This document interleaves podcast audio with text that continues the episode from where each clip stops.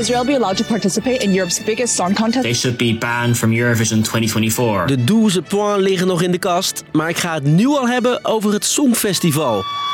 Het jaarlijkse liedjesfeest dat niet politiek is, maar Uiteindelijk staan er altijd mensen op het podium die een boodschap willen overbrengen. er is vaker gedoe over wie er meedoet en met welk nummer. Nu gaat er online een oproep rond voor een boycott van dit land. 12 points Israël go misschien? to Israel. Ik ben Jasper en ik vertel je waarom Israël misschien niet mee mag doen aan het Songfestival. Lang verhaal kort. Een podcast van NOS op 3 en 3FM. Israël en het Songfestival gaan way back. Met dit nummer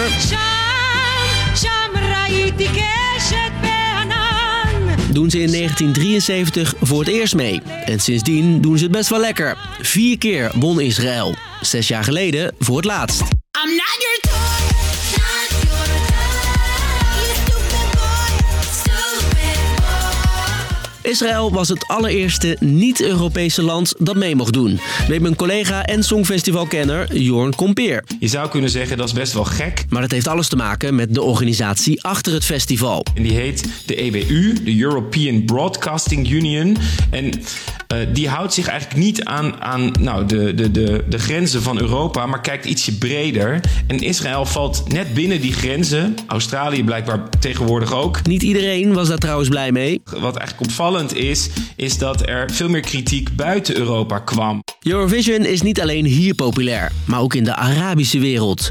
Veel landen daar vinden dat de staat Israël eigenlijk niet zou moeten bestaan. En eh, ja, dan doen ze wel mee aan het Eurovisie Songfestival. Wat natuurlijk eigenlijk nou, wel een beetje eh, bestaansrecht geeft. zenders in Arabische landen zonden liever reclame uit dan een optreden van Israël. Zodat de mensen in de Arabische wereld dat niet hoefden te zien, was dan de gedachte daar. De EBU is hartstikke duidelijk over het Songfestival. Dit feest is alles behalve politiek. Dat weet ook de Nederlandse Mr. Songfestival, Cornel Maas. De EBU zegt, luister, dit is een competitie tussen artiesten en tussen omroepen. Niet tussen overheden en regeringen, dus daar spreken wij ons niet over uit. Klinkt leuk, het gebeurt niet. Kijk alleen al naar de punten. Bevriende landen geven elkaar maar wat graag 12 points. En Sommigen die rekenen er zelfs op. Toch, België? Krijgen we punten van Nederland dit jaar?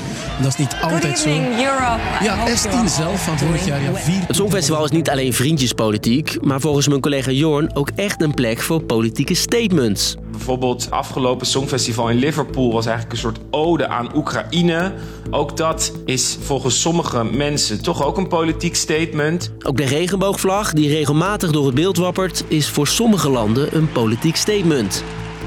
En nu lijkt ook alleen al de deelname van Israël politiek. Aan de ene kant heb je sinds de oorlog tussen Israël en Gaza dat vooral Scandinavische landen en artiesten en veel kijkers van het Songfestival daar zeggen: ja, wij zouden eigenlijk vinden dat Israël niet mag meedoen aan het Songfestival. En het nummer waarmee Iran Golan wil optreden maakt dit alleen maar gevoeliger. Officieel is dat lied nog niet uit, maar Conrad Maas die heeft al de uitgelekte tekst. Dancing in the storm, we got nothing to hide. I'm still wet from this October rain. Ja, dat lijkt wel heel erg op een verwijzing naar 7 oktober, de dag dat Hamas Israël binnenviel. Klinkt toch behoorlijk politiek. De European Broadcasting Union waakt er altijd over dat teksten met een politieke impact of betekenis geweerd worden van het festival. Maar daar is wel een soort schimmig grensgebied. Statements die zijn er vaker.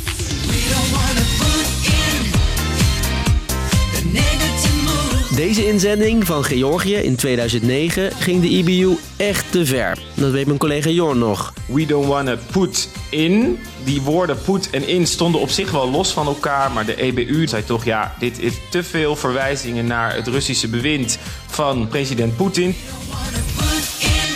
Extra onhandig, het festival werd toen in Moskou gehouden.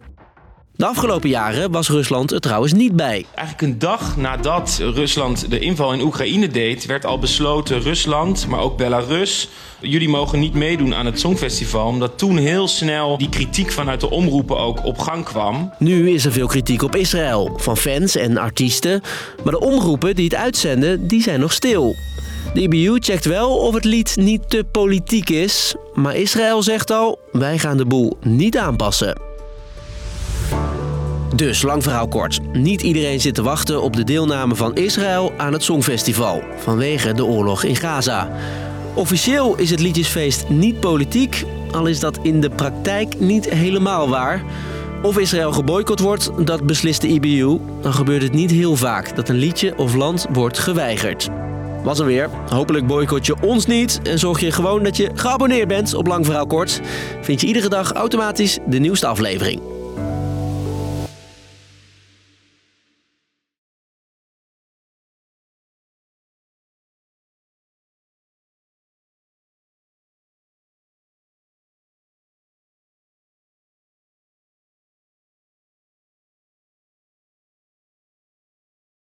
Doei!